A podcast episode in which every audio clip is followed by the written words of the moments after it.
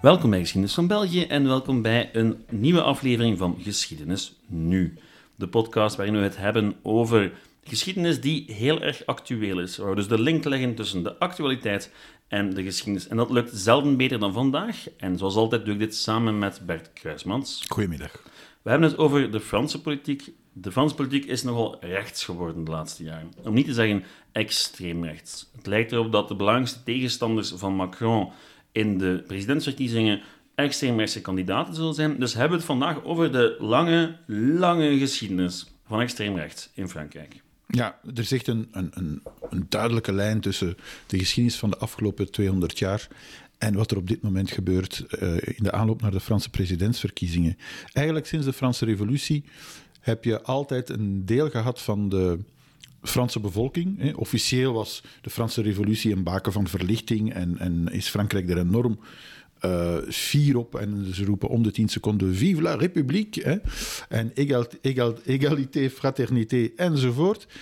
Maar in werkelijkheid is er een, de afgelopen 200 jaar een heel groot deel van de Fransen geweest dat uh, echt niet blij was met die Franse revolutie. En je hebt eigenlijk constant contra-revoluties gehad. De eerste contra-revolutie, die van Thermidor, uh, zoals de, Fransen weten meteen waarover het dan gaat, want die uh, historische kennis is uh, zeer goed. Dat is eigenlijk een staatsgreep waarbij conservatieve middens in Frankrijk de, de, de, de consul, de heer Napoleon Bonaparte, naar voren hebben geschoven om de uitwassen van de Franse revolutie een beetje te temperen. En vooral die egalité, daar waren ze niet zo voor. Dat was heel slecht voor de handel en de economie. En er waren heel slechte relaties met, uh, met het buitenland. En uh, het, ging, het ging niet goed met Frankrijk, dus er moest een sterke man komen. En die zucht naar een sterke man, liefst in een militair uniform, dat is echt een rode draad door de Franse geschiedenis. Er zijn er heel veel geweest. Sommigen hebben het gehaald, zoals Napoleon, de bekendste uiteraard Charles de Gaulle. Uh, Anderen uh, hebben het ook gehaald, maar met hen is het slecht afgelopen, zoals de neef van Napoleon, Napoleon III. En er zijn er ook die wij niet kennen, zoals een generaal Boulanger bijvoorbeeld, die het niet gehaald hebben, maar waarvan toch veel mensen hoopten dat hij ook zo een sterke man was, die Frankrijk opnieuw op het juiste spoor uh, zou zetten. Er wordt vaak gezegd dat de Fransen eigenlijk nog altijd uh, graag een koning willen, maar ze willen die koning wel verkiezen. Dat wel. Uh, en dat is wat nu speelt bij die uh, presidentsverkiezingen in Frankrijk ook. Um, en, en, en we zien dat waar bij ons de geschiedenis bijvoorbeeld van de Tweede Wereldoorlog, daar ligt toch, laat ons eerlijk zijn, ondertussen een dikke laag stof op.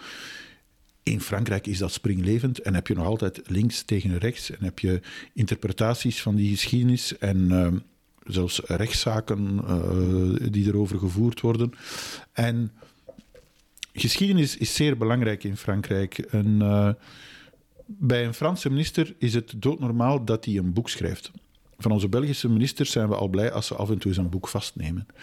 Er zijn echt Franse ministers geweest, zoals de, de Villepin, minister van Buitenlandse Zaken. Ja, die, die mannen die schrijven een biografie van Napoleon. Uh, met, met, met uh, voetnoten en literatuurlijst zo, en uh, bibliografie, met alles erop en eraan. Terwijl bij ons in België, een Belgische minister, vier maanden voor de verkiezingen verschijnt er een boekje van 132 bladzijden, dat geschreven is door een, door een ghostwriter. Mm -hmm. dat, is, dat is het niveau bij ons. Je hebt ook heel, veel meer historische tijdschriften in Frankrijk enzovoort. Uh, intellectuelen die de hele dag uh, discussiëren op uh, televisiezenders. Op de radio. op de radio. eigenlijk de, de, de Franse media en zeker in aanloop naar de presidentsverkiezingen, hangt aan elkaar van polemiek, zeg maar van ambras. Mm. En uh, zo is er dus nu een man die uh, heel veel en heel graag ambras maakt, en het loont ook trouwens, en dat is uh, Erik Semour. Ja, absoluut. Iemand die al in veel media is opgedoken, die tot mijn verbazing ook gekend is bij mijn leerlingen. Ik geef les in het hartje van Brussel, Schaarbeek en Anderlecht. En ik viel onlangs bijna van mijn stoel toen zij in een random discussie plots Semour opbrachten en heel die klas reageerde intuïtief, dus die wisten allemaal wie dat was. Het zijn mij verbazen, moesten ze allemaal weten wie Alexander de Croo is. Laat staan Jan Bon. Maar ze moe, niet alleen wisten wie het was, ze hadden er ook oprecht een mening over. Dus een, dat zegt heel veel over hoe bekend die figuur wel is en hoe controversieel die ook wel is. Ja, hij heeft nog altijd geen 500 handtekeningen, want die heb je nodig. Uh, 500 handtekeningen van politieke mandatarissen heb je in Frankrijk nodig om je in die campagne van de presidentsverkiezingen te storten. Maar hij is zeker uh, tot nu toe de meest besproken kandidaat en de meest besproken new kid on the block, zullen we maar zeggen, uh, in die verkiezingen. Mm -hmm. En hij is iemand die zich beroept op de geschiedenis van Frankrijk en die ja, inderdaad controversiële uitspraken maakt. Dat heeft hij vroeger al gedaan, tien jaar geleden, in een, in een, uh, in een boek De zelfmoord van Frankrijk. En het is dat ook weer. Hè. Het zit weer in die lijn die al honderd jaar bestaat in Frankrijk. Van dit land wordt bedreigd. Wij worden overspoeld door vreemdelingen. Uh, 100 jaar geleden bij de Dreyfus-affaire, enfin, meer dan 100 jaar geleden, uh, op het einde van de 19e eeuw, waren die vreemdelingen vooral Joden. Uh, uh, Zemmour is zelf van Joodse afkomst, dus het is niet zo handig om, om met die stelling terug uit te pakken. Dus hij richt zijn pijlen eerder op de, op de moslims die volgens hem uh, het Frankrijk zoals het hoort te zijn aan het overnemen zijn. En uh, er is ook wat discussie over over de geschiedenis. Uh, hij refereert heel graag naar het Vichy-regime van Maarschalk Pétain. En de stelling van Zemmour is... Uh, Pétain heeft de Franse Joden toch vooral geholpen, eigenlijk. Hij heeft misschien die buitenlandse Joden ja, uh, overgeleverd of hij heeft toegestaan dat ze in de handen van Nazi-Duitsland terechtkwamen en met treinen zijn afgevoerd naar de vernietigingskampen.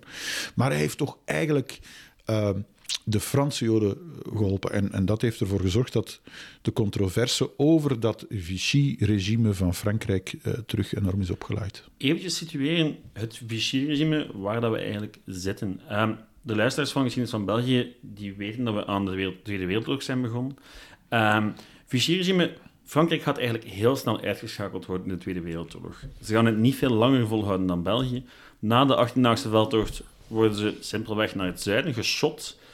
En uiteindelijk gaat er een, ja, hoe noem je dat? Een, een, een puppet state in het, uh, in het Engels. Er gaat een soort van Franse staat komen die enkel het zuiden van Frankrijk beheert. Mm -hmm. Want het noorden is gewoon bezet gebied. Waar een bekende maarschalk uit de Eerste Wereldoorlog, Pétain, als een soort van dictator aan het hoofd gaat staan. En dat is een staat die nominaal onafhankelijk is, maar in de praktijk gewoon de wil voert. En daarover bestaan discussies die een beetje gelijkaardig zijn aan de discussies over de collaboratie in Vlaanderen, al is er wel nog een belangrijk verschil. Ja, er is toch wel een enorm verschil. Uh, in die zin dat. Um, eigenlijk mag je zeggen, vind ik dat de grootste bondgenoot van Duitsland in de Tweede Wereldoorlog was Frankrijk. En dat klinkt heel vreemd, want wij zijn opgegroeid met het verhaal van uh, de heroïsche generaal de Gaulle die vanuit Londen uh, het verzet organiseert tegen Nazi-Duitsland nadat Frankrijk verslagen is.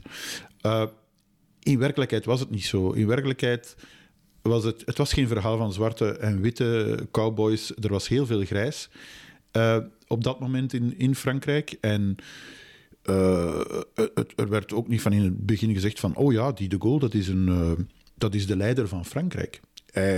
Hij, was als een dief in de nacht weggevlucht. Hij was gedeserteerd eigenlijk. hij had trouwens flink wat goud meegenomen van de Nationale Bank van Frankrijk waarmee hij uh, ja, zijn, zijn werking in Londen overeind hield. En het officiële Frankrijk, um, want men noemt dat nu het Vichy-regime, maar eigenlijk was dat het officiële Frankrijk, had uh, vrede gesloten met Duitsland en werd de, er waren er nog andere, ik denk aan Slowakije, Hongarije, Roemenië, Italië uiteraard. Maar was eigenlijk de grootste collaborateur mm -hmm. van, uh, van Europa. En dat horen de Fransen natuurlijk niet zo graag. Absoluut. En even tussendoor, de film Casablanca um, speelt zich eigenlijk af in het Marokko onder het Vichy-regime. Dat is een film waar de meeste mensen wel mee bekend zullen zijn. Die relatie die je daar ziet tussen de Franse lokale politie en de Duitsers, dat kan je een beetje voorstellen ja. wat het Vichy-regime ook wel was. Ik vind dat een zeer interessante film, want het is door die film dat ik het Vichy-regime ontdekt heb. Uh, ik was opgegroeid met het idee van ah, de Duitsers waren de baas in Frankrijk en Frankrijk was verslagen. En dan kijk je naar die film en dan zie je dat daar, oké, daar loopt een Duitse kolonel rond in Casablanca. Maar uh, die heeft invloed, maar die heeft geen, die heeft geen soldaten, die heeft geen, uh, geen politieagenten. Het is de Franse politie die de plak zwaait.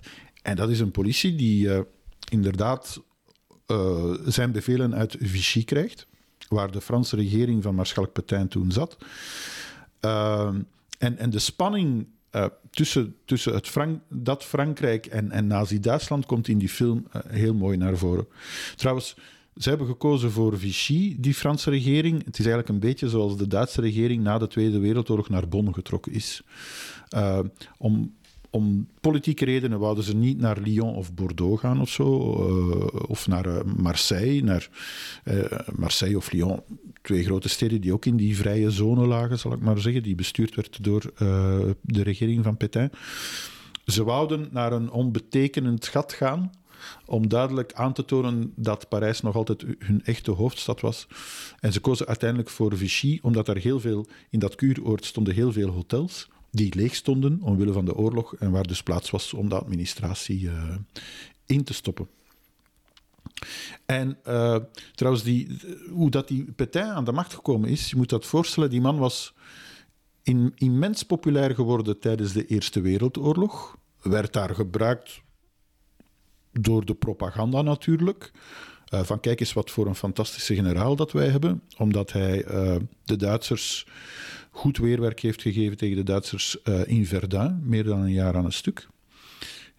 1916, 1917 is daar eigenlijk door de propaganda, de Franse propaganda, verheven tot een, tot een god. Uh, is dan ook tot maarschalk benoemd op het einde van de oorlog. Werd opperbevelhebber van het Franse leger. Maar die man gaat na de oorlog eigenlijk met pensioen. Die, die speelt geen enkele rol van betekenis in politiek Frankrijk. Hij wordt ambassadeur in Spanje bij Franco in 1939, want hij kende die Franco nog wel van vroeger, toen ze samen gevochten hadden in Marokko. Uh, maar eigenlijk was die niet zo belangrijk. En, en op het moment dat uh, Frankrijk in elkaar stort bij de inval van de Duitsers in uh, mei, juni 1940, wordt die, die Pétain terug bovengehaald als een soort van symbool voor dat goede oude Frankrijk van vroeger. En, en eh, het, je kan hem ook vergelijken trouwens met in Duitsland na de Eerste Wereldoorlog, hoe daar dan generaal von Hindenburg mm -hmm. wordt bovengehaald. Een, ja, het is een beetje hetzelfde. Hè? Een goede oude opa in een militair uniform, mm -hmm. die, die staat voor de goede oude tijd. Maar wat ik belangrijk vind, is dat die Pétain eigenlijk het wettelijk gezag was. Is die met een staatsgreep aan de macht gekomen? Daar kan je echt over discussiëren. Want um, halfweg juni, op het moment dat, dat, dat het duidelijk is dat het Franse leger compleet verslagen is, hij was op dat moment vicepremier in de regering. De premier Paul Reynaud was iemand die zei van wij moeten verder vechten, wij moeten verder vechten met de Engelsen, wij, moeten, hebben onze kolonies nog. Hè. Algerije, Marokko, heel uh, Frans-West-Afrika was nog altijd in Franse hadden. Ze hadden nog altijd een enorme grote oorlogsvloot. Dus Reynaud zei van het is niet allemaal verloren. Uh, ik ga naar Afrika als eerste minister en ik ga van daaruit verder vechten tegen de Duitsers. Pétain en heel veel mensen rondom hem zeiden van nee, sorry, we zijn verslagen. Uh, wij moeten er ons bij neerleggen. Um, en ik denk trouwens dat Pétain daar een beetje het voorbeeld van 1870-71 heeft gevolgd. We mogen niet vergeten, Pétain heeft die oorlog meegemaakt. Hij was toen 15 jaar. Dus uh, hij kende dat niet alleen vanuit de geschiedenisboekjes zoals een De Gaulle of een Renault die veel jonger waren. Hij heeft dat ook meegemaakt. En hij heeft gezien hoe Frankrijk door Pruisen, zeg maar Duitsland, in 1871 op de knieën is gedwongen. De Duitsers bezetten Parijs. Maar hoe dat dan daar uiteindelijk toch een nieuw Frankrijk, de Derde Franse Republiek, is uitgekomen. Uh, die uiteindelijk wel gewonnen heeft in 1914, 1918 en die bijvoorbeeld Elsass-Lotharingen terug heeft ingepikt. Dus ik denk dat het idee van Pétain was van wij moeten door de hel, mm -hmm. maar ooit, wij, wij Fransen zijn zo sterk, het kan 40 jaar duren, maar ooit komt de hemel. Maar nu moeten we samenwerken met die Duitsers. Het is een beetje vergelijkbaar met, een beetje met de rol van Leopold III hier in België, ja. die ook aan het hoofd, die zelfs aan het hoofd stond van het leger na, op het einde van de 18e veldtocht en zelfs al beslist om te capituleren, terwijl de Belgische regering vertrekt in ballingschap en ja. besluit om door te vechten met Congo. En een hele oorlog lang Ja. eigenlijk heb je een staatshoofd en een regering die Ja. totaal niet op dezelfde golflengte zitten en waarbij, ja, goed, dat telefoneert ook al het lot van Leopold III na de oorlog, maar dat is een heel andere aflevering. Ehm, maar dat is wel fascinerend, want je ziet daar dezelfde politiek. beslissing. En benadrukt ook nog eens hoe hopeloos de situatie wel leek in, in 1940. Dat Franse leger was in, in elkaar geklapt. Eh, er waren tienduizenden van die Franse militairen die eh, op de stranden van Duinkerke konden inschepen, die naar Engeland gegaan zijn, maar die eigenlijk dan terug naar Frankrijk gestuurd zijn, maar meer naar het zuiden, om toch nog te blijven vechten tegen die Duitsers. Terwijl de Engelsen zeiden van, wij trekken onze troepen terug en wij gaan vanaf nu Groot-Brittannië verdedigen en Fransen, you're on your own. Wat wel gebeurd is, en dat is toch wel zeer opmerkelijk, dat is dat begin juni heeft Churchill een eh, voorstel gedaan aan de Franse regering. Het idee kwam van Jean Monnet, die in eh, Groot-Brittannië zat en die we later kennen als een van de founding fathers van de Europese Unie. En Jean Monnet had dat idee in het oor van Churchill eh, gefluisterd. Ik weet niet in welke taal, maar goed, hij had het wel gedaan. En Churchill stelt voor aan de Franse regering: laten we, dat is echt heel sterk, laten we van Groot-Brittannië en Frankrijk één land maken. Weliswaar onder leiding van de Britse koning, klein detail. Laten we er één land van maken en als één land vechten tegen Duitsland. En die Renault, die eerste minister was van Frankrijk op dat moment, was zo wanhopig dat hij er zelfs over gedacht heeft om te zeggen, ja, laten we dat doen. Maar anderen, en uiteraard ook Pétain, op dat moment vicepremier, die waren daar ongelooflijk tegen en die zeiden van nee, we moeten, we moeten een eh, wapenstilstand sluiten met de Duitsers. Dat is dan gebeurd. Eh, Renault is, is vertrokken. Pétain wordt zelf eerste minister. En eh, 10 juli, dat is al, al drie weken na de, de wapenstilstand met de Duitsers. Op 10 juli eh, komt het eh, parlement samen. Van eh, de Senaat en, en, en, en de Kamer komen samen eh, dus met de Franse parlementsleden. Ze zijn er niet allemaal, omwille van de oorlog natuurlijk, maar er zijn er echt wel heel veel. En die beslissen van, oké, alle macht gaat nu naar Pétain. Pétain zet de president af, want hij was eerste minister, was geen president. Zet de president af en krijgt alle macht. De naam van Frankrijk verandert. Het wordt l'État français, de Franse staat. En ehm, ja, uh, Pétain zegt zelf in een brief aan uh, de president van ik ben uw opvolger niet, dit is een nieuw regime. Om niet te zeggen, dit is de nieuwe orde. Um, en en uh, vanaf dan is, heeft ja, Pétain heeft alle, alle macht. Maar je kan erover discussiëren, is daar nu een staatsgreep gebeurd of niet? Eigenlijk niet. Eigenlijk hebben die parlementsleden al die macht afgestaan aan Pétain en die zijn gewoon het verder zetten van de officiële Franse re republiek. Het was geen republiek, het was een dictatuur gewoonweg. Uh, maar daar worden ze natuurlijk niet graag aan herinnerd, want wij krijgen het beeld te zien van, van, van Charles, Charles de Gaulle en, enzovoort enzovoort. Maar Charles de Gaulle houdt een toespraak op 18 juni voor, uh, bij de BBC hè, op de radio. Geen hond in Frankrijk heeft dat gehoord, hè, die, uh, die toespraak. Achteraf wordt wel gezegd wat voor een heroïsche toespraak dat dat was. Appel aan de Fransen enzovoort enzovoort. In werkelijkheid heeft niemand dat gehoord. Wat wel gebeurt, is het dat je een soort burgeroorlog krijgt van Fransen onder elkaar. Want het Franse leger bestond nog. Ze mochten, ze mochten maar met 100.000 zijn. Ze hadden geen luchtmacht meer en zo. Dat hadden de Duitsers allemaal uh, afgepakt. Dat Franse leger zat vooral in de koloniën.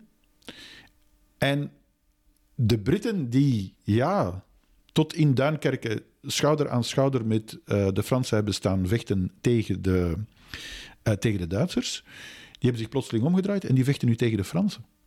Heel snel. En dat zijn allemaal uh, veldslagen en aanvallen die uh, met de mantel der liefde zijn toegedekt na de Tweede Wereldoorlog. Er, is heel snel een uh, aanval van de Britten op Dakar geweest, Senegal, Franse kolonie.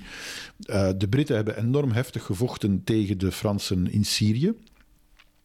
ze hebben gevochten tegen de Fransen in Madagaskar. Um, en het, ja, het, grootste, het grootste schandaal, als je het zo mag noemen, dat is 3 juli. 1940, dat is de slag bij Mers el Kebir in Algerije, daar lag de Franse oorlogsvloot. eh, bijna alle schepen lagen daar. Hè, Algerije, een stuk van Frankrijk eigenlijk op dat moment. En de Britten sturen een vloot vanuit Gibraltar en zeggen van, kijk, eh, de, jullie kunnen kiezen. Ofwel geven jullie die schepen aan ons, uh, ofwel worden die uh, schepen gebracht naar de Caraïben, naar Martinique of Guadeloupe, waar ze aan de ketting gaan, of we sturen ze naar een neutraal land, Verenigde Staten op dat moment, waar ze aan de ketting gaan, of we boren ze in de grond. En de Fransen hebben gezegd van, dit zijn onze schepen, maak dat je weg bent. En dan uh, is die, er zijn een paar schepen kunnen ontsnappen, maar inderdaad, de Franse vloot is in de grond geboord door de Britten. Mm -hmm. Drie weken zal ik maar zeggen, na, nadat ze nog met elkaar gevochten hadden, uh, schouder aan schouder. Er zijn ruim 1200 uh, Fransen gesneuveld bij die Britse aanval. En er zijn twee Britten gesneuveld. Uh, er is één vliegtuigje dat in zee gevallen is en die bemanning van dat vliegtuig is gesneuveld. En de, de Britse admiraal, de commandant van Gibraltar, Somerville, die zei achteraf: Dit is het meest schandalige dat we ooit gedaan hebben. En heel de wereld gaat ons veroordelen, zei hij in 1940. In werkelijkheid is heel de wereld, behalve de Fransen, is dat verhaal vergeten, omdat dat nu eenmaal niet zo goed uitkwam. Maar de Fransen hebben het ook expres vergeten voor een groot stuk. Toch een zeker een deel van de Franse bevolking. Want feit is ook dat na 45, als men bezig met de Europese heropbouw en dat je de eerste fundamenten van de Europese Unie gaat beginnen zien, ja, Frankrijk wil dat zo snel mogelijk vergeten. Voor de nationale trots enerzijds, maar ook voor de internationale samenwerking anderzijds. Want inderdaad, er is een argument mogelijk dat zegt dat de Franse staat een collaborateur was. Mm.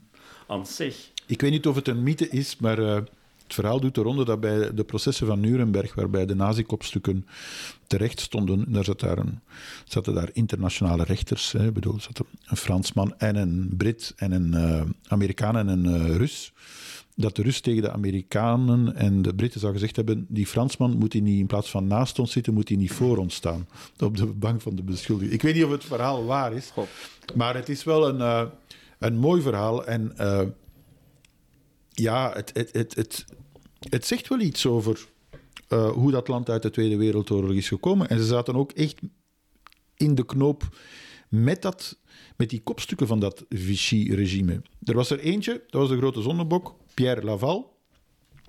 Die was uh, ja, uh, eerst uh, rechterhand geweest van Pétain en daarna eigenlijk premier van Pétain geweest.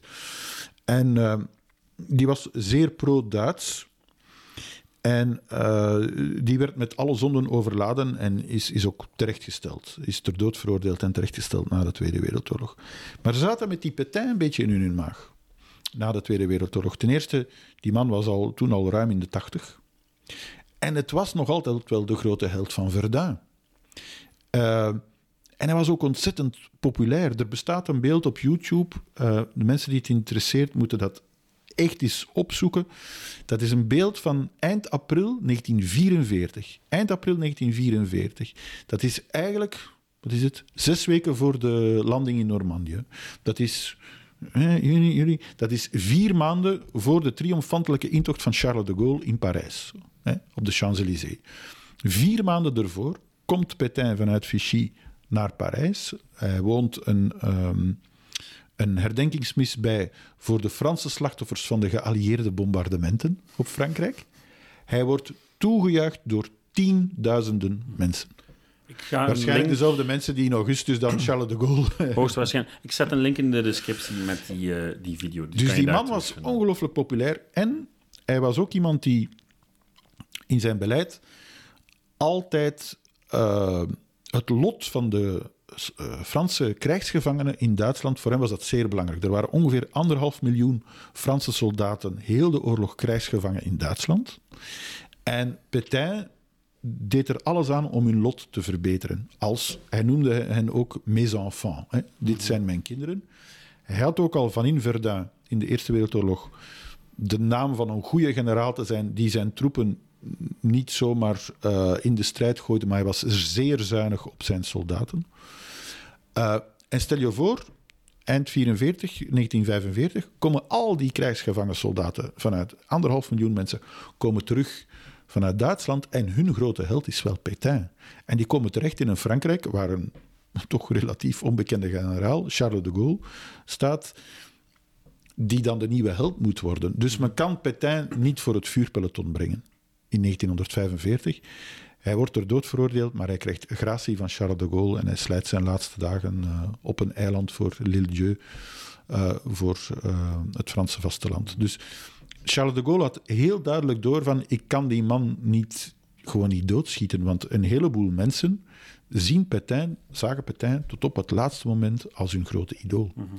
En die mensen, die zijn er nog altijd. Ja, absoluut. Wat ons eigenlijk terugbrengt tot Zemmour, um, die daar heel hard op, heel hard op inspeelt eigenlijk.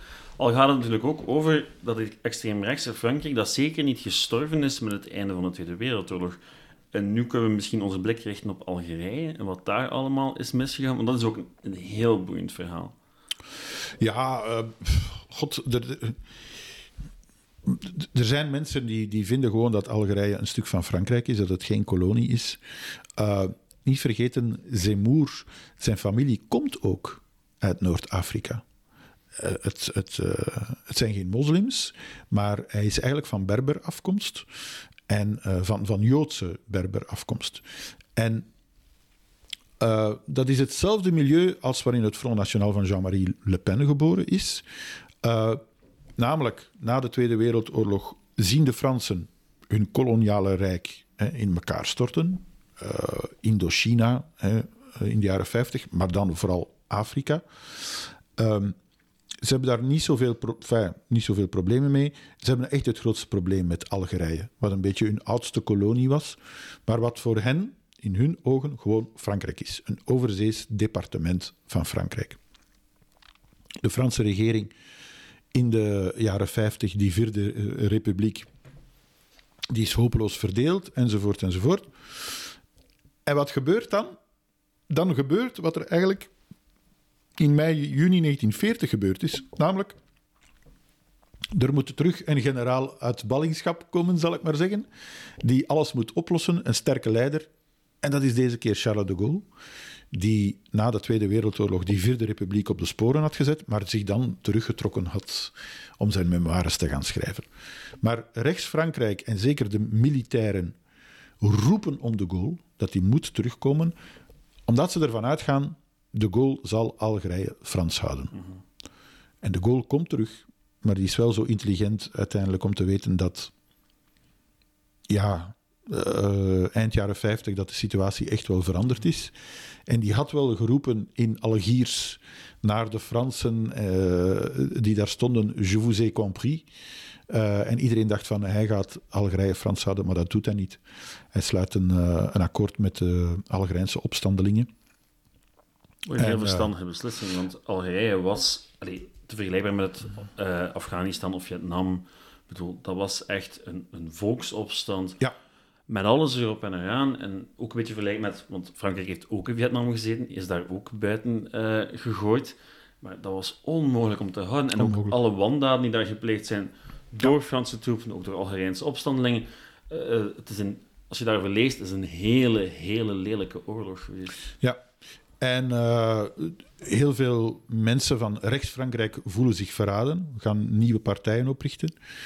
Um, er is daar ook een, een, een, jonge gast die uh, zeer verbitterd was, dat is Jean-Marie Le Pen, de vader van uh, Marine Le, Le, Pen. En, en ja, er, er wordt een organisation armée secrète opgericht van ex-militairen of militairen, zeg maar, die eigenlijk gewoon een staatsgreep willen plegen, nog maar eens in Frankrijk. En die beginnen met een aanslag op Charles de Gaulle, die mislukt is. Um, omdat hij met, met zijn Citroën DS blijkbaar een zeer goede wagen had. Kleine correctie uit de montagekamer. De OAS werd opgericht voordat de Gaulle een akkoord had gesloten met de Algerijnen en er waren maar liefst drie aanslagen tegen de Gaulle in plaats van één. Tot daar de correcties. Uh, maar je ziet dat systeem keer op keer terugkeren in Frankrijk. Uh, er worden dan trouwens ook um, in 1962, als ik mij niet vergis, um, het was in elk geval begin jaren 60, is er een, een, uh, een demonstratie van Algerijnen in Parijs. waarbij uh, 200 demonstranten de dood vinden. Stel je dat voor, een betoging, er wordt nu misschien heftig betoogd op dit moment, maar 200 demonstranten vinden de dood. Het is pas nu dat Macron daar eigenlijk ook verontschuldiging voor heeft aangeboden en dat er bloemen zijn gebracht enzovoort enzovoort. En de man die toen verantwoordelijk was voor dat bloedbad in Parijs was Maurice Papon. Maurice Papon, die in de regering van Giscard d'Estaing, dus dan hebben we het over de jaren 70, minister van Begroting was geweest, maar die politiechef was in Vichy tijdens de Tweede Wereldoorlog, die daar secretaris-generaal voor politie was en die verantwoordelijk was voor de deportatie van op zijn minst 1560 Joden die naar de concentratiekampen zijn gevoerd. En die man is in 1998 daarvoor veroordeeld tot tien jaar gevangenisstraf wegens misdaden tegen de menselijkheid. Dus we spreken, we spreken het niet over een derde rangs figuurtje, geen bul van Breendonk. We hebben, het, we hebben het hier over iemand die ondanks zijn verleden van de jaren 40 en van de jaren 60 in Parijs in de jaren 70 wel minister kon worden. Mm En dat bewijst hoe heel dat verhaal van Vichy uh, jarenlang heeft doorgewerkt, tot, misschien tot op de dag van vandaag. En ik heb, ik heb hier twee boeken meegebracht die voor mij alles vertellen. Uh, dit boek, dat Franser dan dit mhm.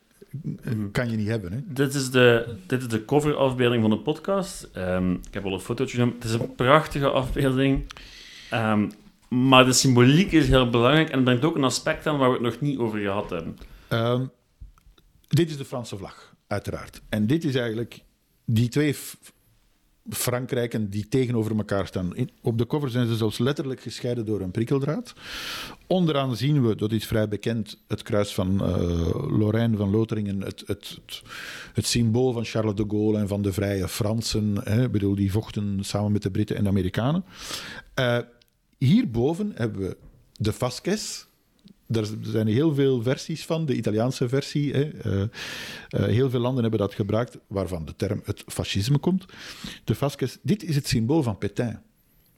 En dus op de cover van dit boek staan twee, de, de, de twee uh, strekkingen. Ja, niet, niet, niet broederlijk naast elkaar, ze staan boven elkaar. En het is trouwens opvallend dat die van Pétain van boven staat. En als je dat boek leest, de eerste hoofdstukken gaan ook over Pétain. De eerste foto die je tegenkomt in het boek is Pétain. De tweede is Laval. En dan pas komt Charles de Gaulle. En dit is een boek van Robert Aron. Mm Even een, een, klein maar belangrijk detail. In het midden van het boek, wat de twee symbolen scheidt, hangt er een prikkeldraad. Ja. dus dat is een heel relevant dingetje om toon te komen met elkaar waar het ja. over gaat. En die, die Robert Aron is van Joodse afkomst, heeft in een Duits kamp gezeten, uh, is in het verzet geweest, maar schrijft eigenlijk heel vergoelijkend over Pétain. En hij is de man die na de oorlog de theorie heeft gelanceerd van de Gaulle en Pétain stonden langs dezelfde kant. Hmm. En dat was de schild, uh, het schild en het zwaard. De Gaulle was het zwaard tegen de Duitsers, Pétain was het schild de, de, de politiek van het minst mogelijke kwaad, enzovoort, enzovoort. En we moeten meewerken, want Pétain zal ervoor zorgen dat het uiteindelijk allemaal wel, wel, wel goed komt door mee te werken met, met de Duitsers. dan denk je van, dit is een boek van misschien van 1948, dit is een boek van begin jaren 60, waarbij dus die, die theorie nog normaal gevonden werd. Ja, waarbij eigenlijk. ook heel veel zaken genegeerd worden natuurlijk, want het is dat, zoals je dat juist al zei, er is ook een zekere... Ja, Franse burgeroorlog gaande op een bepaald moment. Hè. Het, het Franse verzet vecht inderdaad tegen de Duitsers, maar evengoed tegen het regime Pétain. Ook op het Franse grondgebied van Pétain wordt er heel zwaar gevochten. Ja. En dan gaat het vooral tussen Frans versus Frans. Ja, en vooral ook omdat dat regime van Pétain zeer goed meewerkte aan uh, de deportatie van de Joden. Sterker nog, uh, ze probeerden ijveriger te zijn dan de Duitsers zelf. Op een bepaald moment nemen ze zoveel Joden, arresteren ze zoveel Joden. De Franse politie kwam geen Duitser aan te pas. Dat de Duitsers ze niet wegkrijgen met de treinen. Ze hebben er te veel gearresteerd.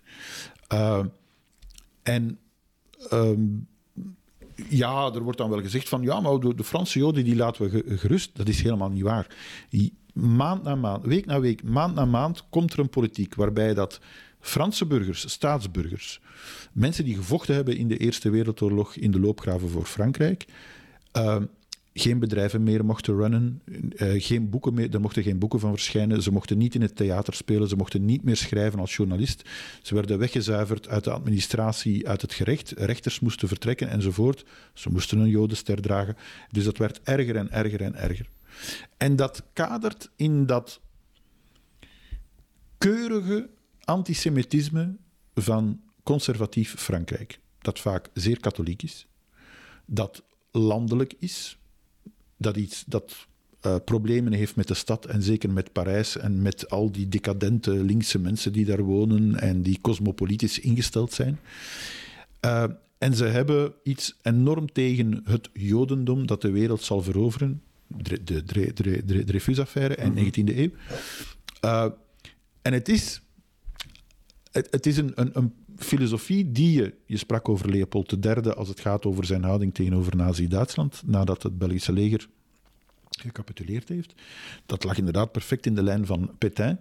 Maar dat, dat keurige antisemitisme is ook iets wat, wat we ook in België terugvinden. Bijvoorbeeld bij uh, de kringen van La, la Vingtième, waar, waar Hergé zijn kuifjesavonturen uh, ja. voor maakt. Keurig, katholiek, conservatief, tegen de stad.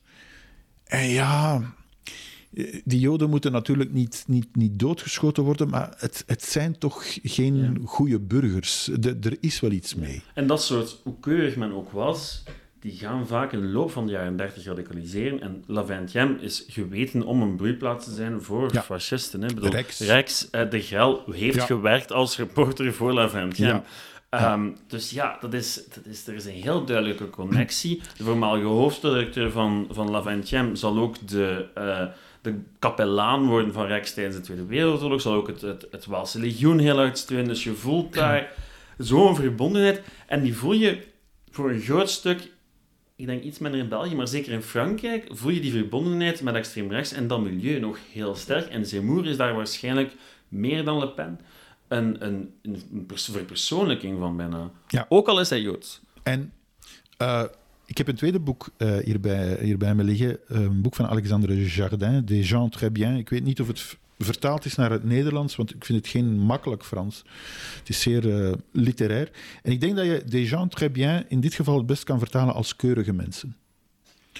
En hij vertelt het verhaal van zijn gro grootvader, Jean Jardin, die uh, een jaar lang de kabinetchef van Laval is geweest. Dus eigenlijk van de eerste minister van Vichy, Frankrijk. Mm -hmm. Zijn grootvader is daar kabinetchef van geweest. Was kabinetchef tijdens die grote razzia's uh, in 1942, uh, waarbij ontzettend duizenden Joden zijn opgepakt door de Franse politie en uitgeleverd aan, aan Nazi-Duitsland. En hij vertelt hoe als kind, hoe hij dat als kind beleefd heeft in de jaren 70.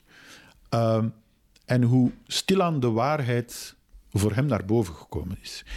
En dat, dat is een hartverscheurend boek. Het gaat over zijn persoonlijk verhaal, over zijn lieve Bompa, die wel niet meer in Frankrijk, maar in neutraal Zwitserland woont na de oorlog, om een of andere vreemde reden, in een lieflijke plaats hè, aan, het, aan het meer van uh, Le Mans. Um, en uh, hoe hij plotseling begint te merken, door kleine dingen, dat zijn familie ongelooflijk fout was tijdens de oorlog.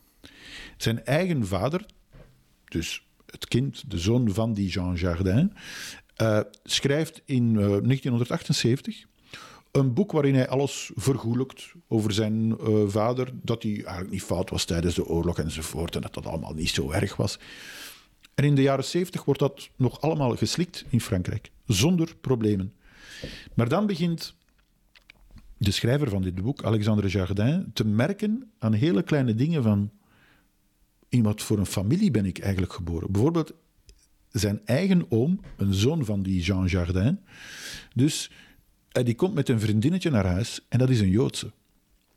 En dan merkt de schrijver dat zijn grootvader dat vriendinnetje alleen maar La Petite Juif noemt. Nooit bij haar voornaam. Het, het kleine Jodinnetje. Mm dat hij nooit haar naam vernoemt. En het sterkste in het boek is dat als Alexandre Jardin zelf 16 jaar is, leert hij ook een vriendinnetje kennen. En die is ook van Joodse afkomst. En uh, op een bepaald moment komt, uh, komt dat vriendinnetje op vakantie in het huis van de grootouders in Zwitserland bij hem. Ik moet wel zeggen, zijn grootvader is dan al gestorven, maar zijn grootmoeder leeft nog. Mm. En die komt daar aan met haar moeder en haar vader. En haar moeder, moeder van dat vriendinnetje, Joods, hè, heeft een luchtig zomerkleedje aan. En je ziet heel duidelijk op haar binnenarm de tatoeage die ze in Auschwitz heeft gekregen. Mm -hmm. En dus de moeder van dat vriendinnetje is opgepakt door de politie van Vichy op bevel van de grootvader van de schrijver. En die grootmoeder ziet die tatoeage uiteraard en weet wat dat betekent en doet alsof er niks aan de hand is en vraagt gewoon: wilt u nog wat thee? Hele keurige mensen. Daar komt het op neer. En dan, dat, dat vind ik ook wel interessant, om maar te zeggen van het is geen geschiedenis, het leeft nog altijd. Um, een van die boeken die de vader van deze schrijver heeft geschreven, waarin hij alles toedekt wat zijn vader in de oorlog heeft gedaan en zegt was allemaal niet zo erg. Daar zit een nawoord bij, geschreven door een politicus in 1980, namelijk de heer François Mitterrand, die een jaar later president van Frankrijk zal worden en die ambtenaar geweest is in Vichy. Mm maar die rap de bui zag hangen in 1943 dat uh, de geallieerden stilaan aan de winnende hand waren en die dan uh, van kant gewisseld is eigenlijk. Zo simpel is het.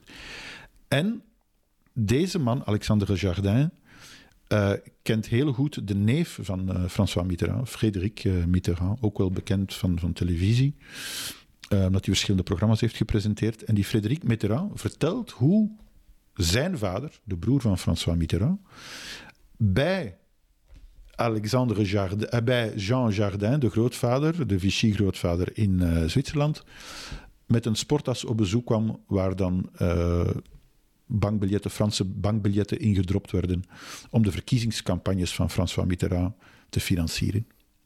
Mm.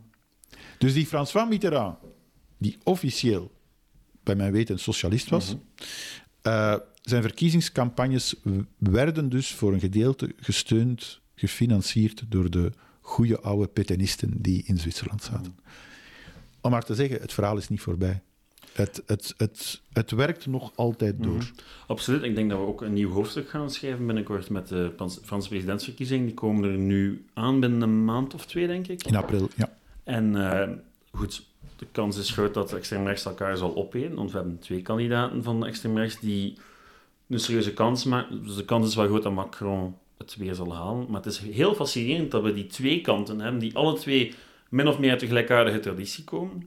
Le Pen, de dochter van, en dan Zemmour, die je ook heel sterk kan verbinden met, dat, uh, met Vichy. Het is boeiend dat we twee kandidaten hebben die elkaar ook echt wel geen ruimte geven. Nee, maar dat was in dat Vichy-regime eigenlijk ook zo. Het was geen eenduidig regime waarbij iedereen zich schaarde achter Pétain. Uh, je had admiraals en generaals die... Die eigenlijk niet voor, voor de Gaulle waren en niet voor de Britten en de Amerikanen, maar die toch hun eigen gang gingen. Uh, generaal Giraud bijvoorbeeld, die eigenlijk uh, minister was in de regering van Vichy. Die, die zat dan in Noord-Afrika op het moment dat, dat daar de landing gebeurt door de geallieerden, 1942. Uh, trouwens, het is die landing van de geallieerden in 1942 in Frans Noord-Afrika hebben de Duitsers aangegrepen om die vrije zone uh, in Frankrijk op te heffen. En, en, en dus uh, het Duitse leger bezette op dat moment heel, heel Frankrijk, maar het Vichy-regime bleef wel bestaan. Uh, en die, die Giraud, die heeft dan in 1943 bijvoorbeeld is die Corsica binnengevallen met een Frans leger zonder dat Charles de Gaulle dat wist. Dus die, die waren naast elkaar aan het vechten, soms tegen elkaar aan het vechten. Mm. Uh, Laval is heel snel in 1940, eind 1940, door Petain ontslagen. Wat is er gebeurd? Petain zei op een uh, vergadering van zijn ministers: Ik wens dat u allemaal ontslag neemt. En Laval denkt van: Oh ja, er komt een reshuffle uh, enzovoort. En iedereen schrijft een ontslagbrief. Waarop Petain zegt van: En van twee mensen aanvaard ik het ontslag, onder andere van Laval. En de anderen mochten blijven zitten. Heeft zelfs zijn eigen rechterhand Laval laten arresteren door de Franse politie op dat moment. Maar onder druk van de Duitsers is Laval vrijgelaten, naar Parijs gegaan, waar Petain niet zoveel te zeggen had, waar de Duitsers de baas waren. En in 1942 hebben de Duitsers eigenlijk Petain gedwongen om Laval opnieuw binnen te halen als uh, eerste minister. En toen zei Laval tegen Petain, en vanaf nu bent u mijn bloempot. Maar ja, okay, Petain was toen al 85 jaar. Er werd er ook trouwens gezegd dat de man lichtjes seniel aan het worden was. En eigenlijk vanaf 1942 is de rol van Petain uitgespeeld. Alleen, hij wordt als symbool gebruikt. Er komt een nieuw volkslied van Frankrijk als ode aan de Maarschalk. Ik denk, heel veel Fransen dachten van als, als, als, als de, de, de Maarschalk aan de buik van mijn vrouw komt, is ze meteen zwanger. Uh, dus er, er wordt een soort personencultus rond die Petain opgebouwd. Maar dat is inderdaad allemaal bloem, dat zijn bloempotten, dat is uh, symboolpolitiek. Terwijl achter zijn rug er enorme ja, uh, enorm veel conflicten bezig zijn, een machtsstrijd bezig is, waar uiteindelijk Charles de Gaulle als, als winnaar zal uitkomen. Goed, ongelooflijk boeiend onderwerp. Hè. Uh, de Franse politieke geschiedenis is een beetje een kluwen, maar er zitten heel interessante en boeiende verhalen tussen, die ook nog heel relevant zijn natuurlijk. Maar de vraag is vooral, kunnen we zeggen van, is Frankrijk een van de winnaars van de Tweede Wereldoorlog of is het een van de verliezers? Uh, die discussie loopt nog, uh, nog altijd. En je kan vooral zeggen, misschien is het wel, ja, kan je op, op beide stellingen ja zeggen. Ze waren zowel winnaar als verliezer, maar Charles de Gaulle is er echt heel handig in geslaagd omdat Frankrijk dat verloren heeft, dat collaboratie Frankrijk om, om dat beeld na de Tweede Wereldoorlog zoveel mogelijk weg te poetsen. Dat was het voor deze week. Heel erg bedankt voor het luisteren. Ook heel veel dank aan Bert Kruismans voor zijn tomeloze energie en inzet. Daarnaast moedig ik u heel graag aan om een mailtje te sturen naar geschiedenis van outlook.be met ideeën voor dit soort afleveringen. Wij zouden graag verder doen en input is altijd welkom. Er is ook altijd de website geschiedenisvan.be waar u alle afleveringen kan terugvinden uh, en hopelijk binnenkort ook nog veel meer maar daarover later meer. Bedankt voor het luisteren en tot de volgende. Ciao!